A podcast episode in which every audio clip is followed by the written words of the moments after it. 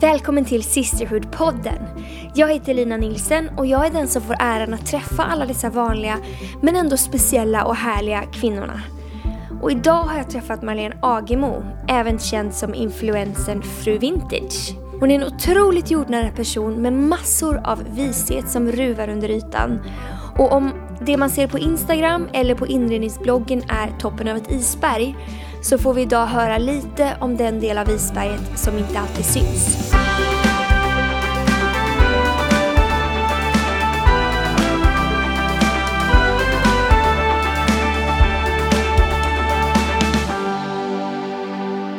Då har jag fått fin besök idag här hemma i min egen soffa. Vi dricker latte och te, min favorit. Eh, jag har Marlene Agemo med mig här idag. Välkommen till Sisterhood-podden, Mallen. Tack så jättemycket.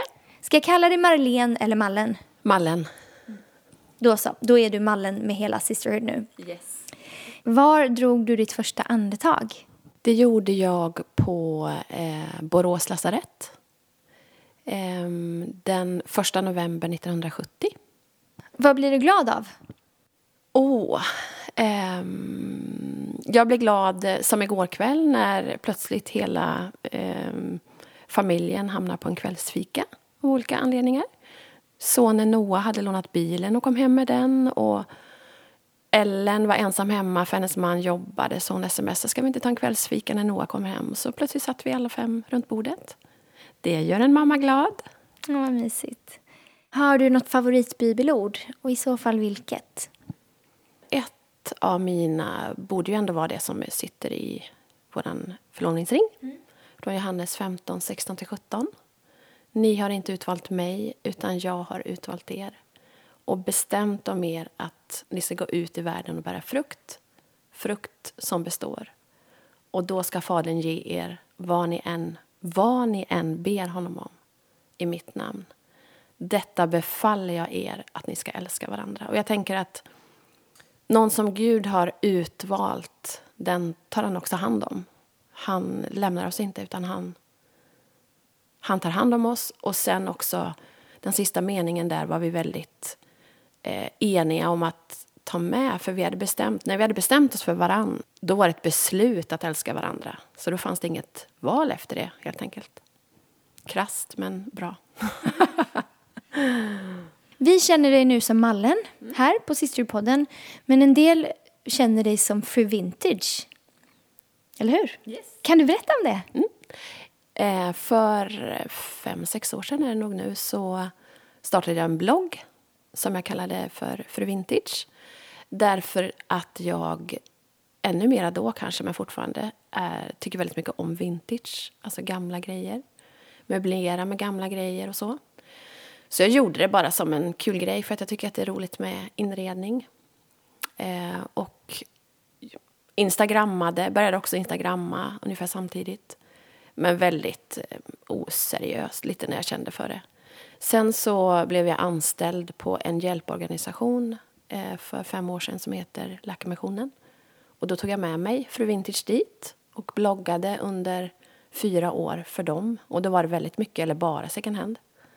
Sen sa jag upp mig där för ett år sedan och tog med mig Fru Vintage. Och då bestämde jag mig för att jag ska satsa på det här. Så då jobbade jag ganska hårt under förra året med att eh, få många följare. Att, eh, ja, att få mitt konto att växa. Så idag har jag nästan 32 000 följare. Helt galet, men jättekul.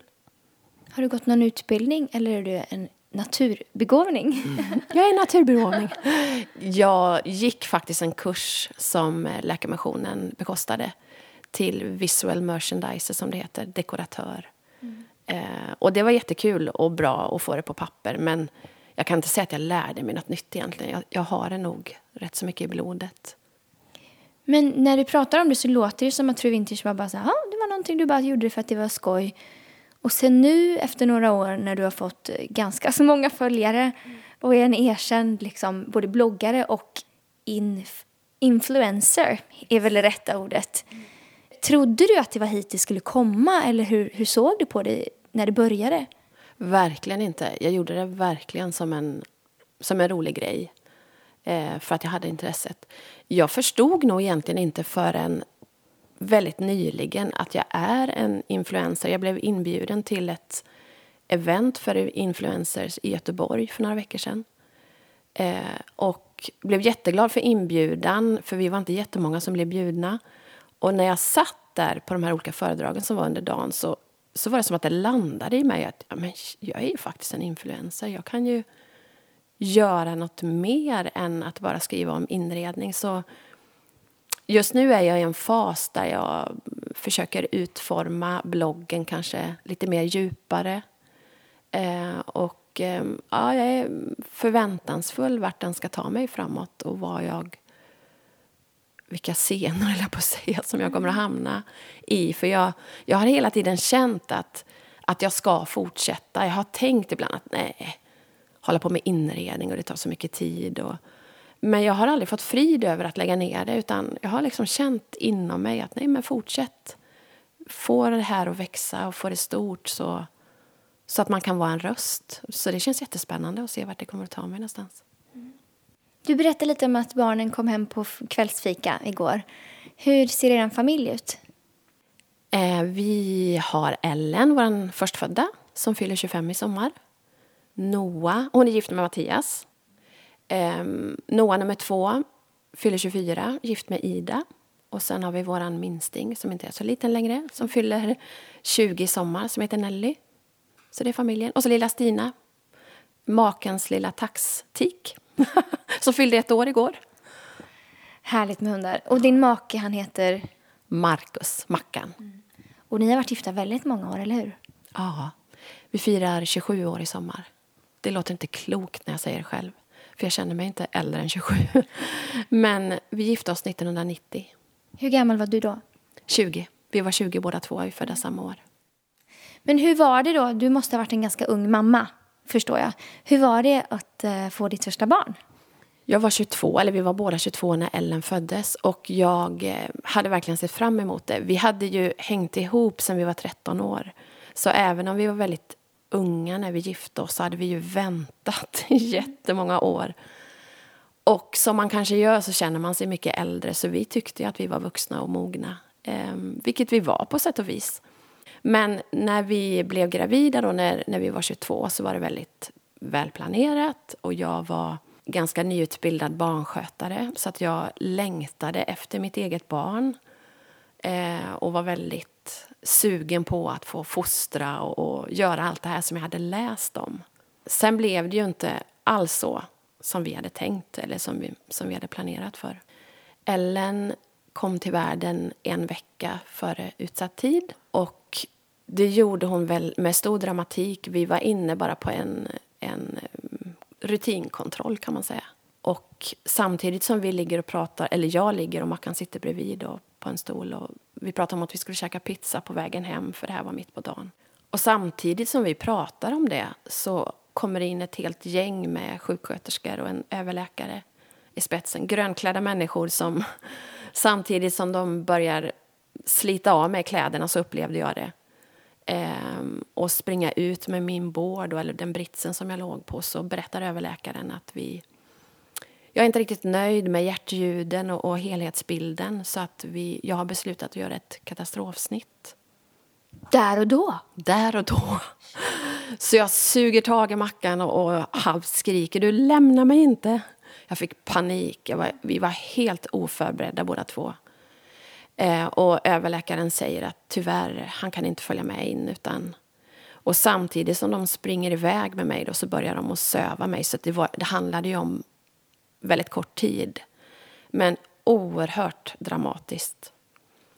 Eh, sen vaknade jag fyra timmar senare och mår jättedåligt fysiskt. De hade magpumpat mig och, och så jag hade ont i halsen, ont överallt, fattade ingenting och ser hur Mackan sitter bredvid med ett litet knyte och förstår att okej, okay, bebisen är ute.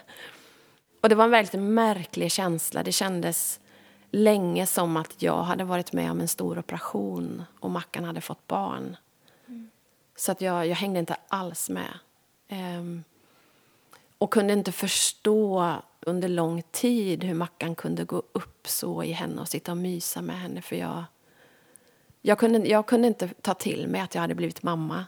och kan förstå nu i efterhand att jag förmodligen drabbades av en, en förlossningspsykos eller en amningspsykos. Men det var ju som att du inte var med när din dotter föddes. Ja, precis. Verkligen. Och man, man har ju en bild av hur det ska gå till. Och jag vet att barnmorskan i den mammagruppen som vi gick i, hon, hon hade lagt fram det som att man skulle komma hem med sitt knyte och det skulle vara så fantastiskt och man skulle bli förvånad över att det inte stod på löpsedlarna över att man hade blivit mamma. För att det skulle vara så stort och fantastiskt. Och jag kände ingenting av det. På den tiden fick man ligga inne rätt så Vi låg inne nästan tre veckor, två och en halv vecka i alla fall. För att jag blev katastrofsnittad då som det kallades. Eh, och jag minns när vi åkte hem. Eh, Ellen föddes ju i slutet på juli så det här var högsommar. Eh, och vi bodde i slutet på en allé. Så vi åker ner i den här allén och jag ser på olika sidor om vägen dels ett gäng killar som spelar fotboll, någon klipper gräset i sin trädgård. Och jag minns så starkt den känslan av att åh, vad skönt att allt är som vanligt. Tvärtom vad barnmorskan hade sagt så njöt jag av att ingen visste hur dåligt jag mådde. Det var kaos i mig och i, i vår situation men jag blev på något konstigt sätt tröstad av att jag såg att livet gick vidare för, för grannarna. För för mig var det totalt kaos. Visste Marcus om hur, det var, hur du hade det på insidan? Ja, det gjorde han. Ehm, men jag, jag tror ingen av oss egentligen förstod eh, vidden av det. Men, men han förstod det på så sätt att han ringde till min mamma och bad henne komma upp. Så hon var hos oss eh, de första dagarna. Och mamma har berättat efteråt att hon förstod ju mer av vad vi förstod av situationen. Så hon var ju med och, och hjälpte mig ja, men att komma igång med amningen. Jag, jag hade ju en känsla av att jag inte ville ta i henne. Um, så det var... Just det här att amma var fruktansvärt. Allt annat skötte mamma och Mackan. Men jag hade ju behövt hjälp. Jag hade ju behövt prata med någon. Jag vet att jag under lång tid bara kände att åh, tänk om jag kunde hitta henne död i vagnen så att jag får tillbaka mitt vanliga liv. En fruktansvärd tanke när jag tänker på det nu i efterhand. Men där och då så var det, det var verkligen min verklighet. Jag vill inte det här. Jag kommer inte klara det här. Var hon en frisk eh, bebis i övrigt? Världens finaste. Jättesöt liten näpen med kolsvart hår. Världens finaste, världens sötaste. Så det har jag ju pratat med Ellen om. Eh, att Det handlade ju inte om henne, utan det handlade om, om mig. Och att jag, jag vet inte hur jag hade mått psykiskt om jag hade haft en vanlig förlossning. Jag kanske hade känt av det ändå, men det här blev så otroligt dramatiskt och jag var inte alls förberedd. Och i efterhand har jag ju förstått att en naturlig förlossning är ju gör ju så mycket med oss, även psykiskt, att föda fram på ett naturligt sätt. Här blev det kaos. Från den ena minuten till den andra så blev jag plötsligt mamma. Kunde du förstå, när du tänkte sådär att du inte ville ha henne nära dig, kunde du tänka att det här är inte normalt? Hur kan jag ens tänka en sån här tanke? Eller var du bara mitt i det? På ett sätt så kunde jag ju förstå med mitt huvud att det här är ju inte normalt det här, så här är det inte normalt att känna. Men samtidigt så var och är den känslan så total där och då. Så det går liksom inte att kontrollera. Det går inte att säga till sig själv, skärp till dig för att... Nej, det, det var ju en, en psykotisk situation, eller vad jag ska kalla det för. Så utifrån kunde jag förstå att det här är inte normalt, men ändå ändå inte fullt ut. Hur länge var det så? Eh, det blev ju bättre och bättre med tiden, men det tog ganska lång tid, det får jag nog säga. Eh, men ändå inte längre tid än att vi planerade och önskade att vi skulle ha barnen tätt. Det hade vi mm. pratat om redan innan. Så när jag tänker efter att det bara skiljer ett år och fyra månader mellan ettan och tvåan mm. så inser jag ju ändå att det kanske inte var så lång tid som jag upplevde det som men Ellen var sju månader när jag blev gravid igen. Så, nej, nio månader. Eller vad blir det? Eh, något sånt. Någon intresserad person kan sitta och räkna på det. Du var väldigt tätt i alla fall. Ja, det var det. Hade du andra vänner som var mammor då? Ja, det hade jag. Men ingen som jag pratade om det här med. Utan det var mamma som var mitt stora stöd. Och Mackan såklart, på det sätt som han kunde. Eh, han var fantastisk och förstod ju att här gäller det att, att ta över och sköta allt det praktiska. Så han, han var ju fantastisk under den tiden och lät mig sova på nätterna och, och skötte allt. Så jag behövde bara ta, ta mig igenom amningsstunden. Sen, mm. sen skötte han resten. Tror du att det var tiden som gjorde att det gick över eftersom du inte sökte hjälp? Eller tror du att det finns andra saker som, som gjorde att det vände? Eller var det Ellen själv? Eller kan du analysera det på något sätt i efterhand? Jag tror på sätt och vis kanske att det hade med tiden att göra. Um, och sen alla förböner såklart. Mackan bad ju för mig, mamma bad för mig. Alla som visste om bad ju. Men, så, så det var ju en mix, tror jag. Absolut. Men, men jag tror ju i efterhand att det hade gått väldigt mycket snabbare och smärtfriare om jag hade fått hjälp, om jag hade fått prata med någon. Och jag kan kanske tycka nu i efterhand att det är lite märkligt att ingen uppmärksammade det på efterkontroller som man var på eller på BVC. För jag tror att det hade hjälpt mig, eller oss som familj. Hur var det vid nästa barn? Helt annorlunda. Dels så var det ju en, en normal förlossning. In, när jag blev gravid igen så då berättade jag för barnmorskan, nummer två, då, hur, hur det hade varit. Eh, så då fick jag hjälp att prata om själva händelsen då med förlossningen och så. så att jag var inte rädd för att det skulle hända igen. Jag är ändå, när jag ser tillbaka, lite förundrad över att det gick så bra andra gången. Framför allt att jag ville mm. en andra gång så snabbt inpå. Mm. Kan du se på andra mammor nu om det är några som går igenom samma sak? Kan man se det på utsidan när man har varit med om det själv? Både ja och nej. Man kanske behöver känna personen ganska bra. Eh. Nu kommer min hund gående här, men vi ska fortsätta prata. Välkommen in i diskussionen, Spike. Fortsätter vi. Du får gärna lyssna, det gör inget. Eh, nej, men alltså...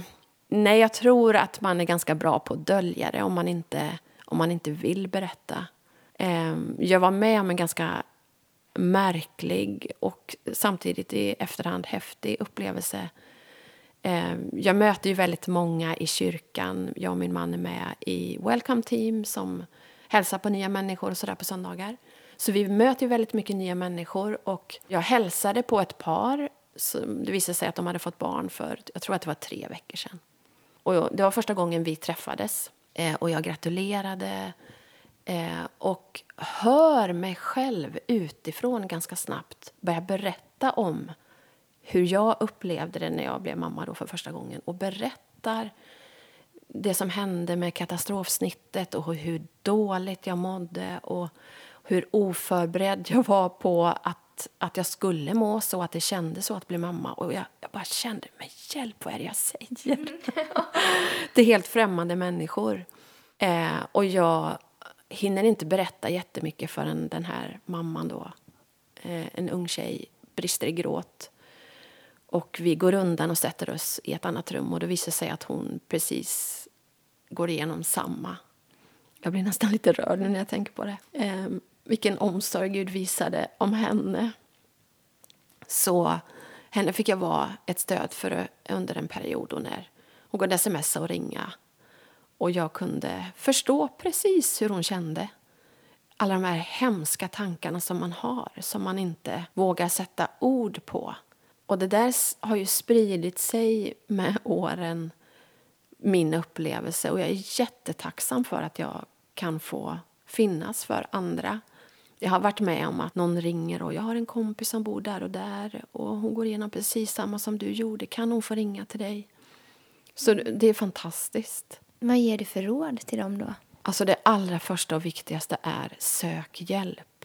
Och det har ju visat sig i nästan alla de här fallen att, att man har inte gjort det. Man tänker så här, vart ska jag söka hjälp? Först precis. vågar man inte säga hur det är kanske, men vart söker man hjälp någonstans? Precis. Alltså du, du kan ju lätt få hjälp genom BVC eller genom mödravården. Mm. Um, det är ju lätt att bli vidare slussad till någon som vet precis vad det handlar om. För det är ju verkligen inte ovanligt. Det är mycket, mycket vanligare, har jag ju märkt mm. nu i efterhand, än vad man kanske tror. Man hör ju om de här fantastiska historierna och det man vill berätta såklart är ju att det är mysigt och underbart men för alldeles för många mammor lider ju i tysthet. Jag tänker också, det är ju såklart man vill visa upp den här Instagrambilden på den gulliga bebisen, allt är underbart och fantastiskt och man får sova och det, man visar ju inte den här bilden när man inte har sovit nej, och inte duschat. Nej, och, och så här, generellt att vi kanske skulle vara bättre på att prata ärligt och öppet med ja, varandra. Verkligen. Och mammor emellan jämför sig hur deras barns framsteg är och ja. sådär. Ja men precis. Och det, jag tänker att det är ju en sån balansgång för man vill ju å ena sidan inte skrämma Nej. den som väntar sitt första barn. Men absolut att vi vågar vara ärligare och vågar vara mer öppna mot varandra. Det, det vinner vi ju på verkligen. Mm. Jag tänker på Solsidan, som, för en säsong som var för jättelänge sedan när de jämför alla. Nu har den börjat äta och nu, mitt barn äter tacos. Och så här. Vad mycket prestation det finns. Ja, men det, gör, det är ju verkligen så. Det blir ju en outtalad tävlan. Kan du inte berätta om dina torsdag förmiddagar? Gärna.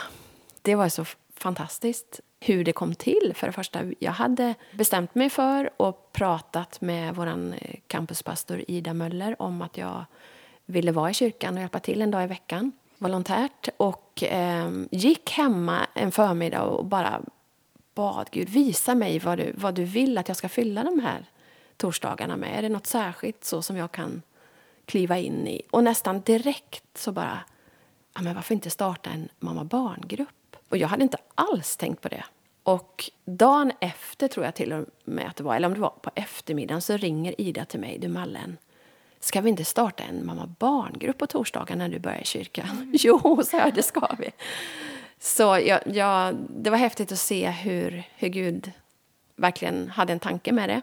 Så nu har vi ju ute i norra, i vårt norra campus varje torsdag mellan 10 och 12 något som vi kallar för Sisterhood Baby Hangout där vi eh, myser och fikar, hänger, pratar om eh, mödraskapet. Vi har babysång, ja, bara umgås och dela livet. Och dels får jag själv jättemycket av torsdagsförmiddagarna och jag märker ju vilket behov det finns av att få ja, men märka att man är inte själv. Mm.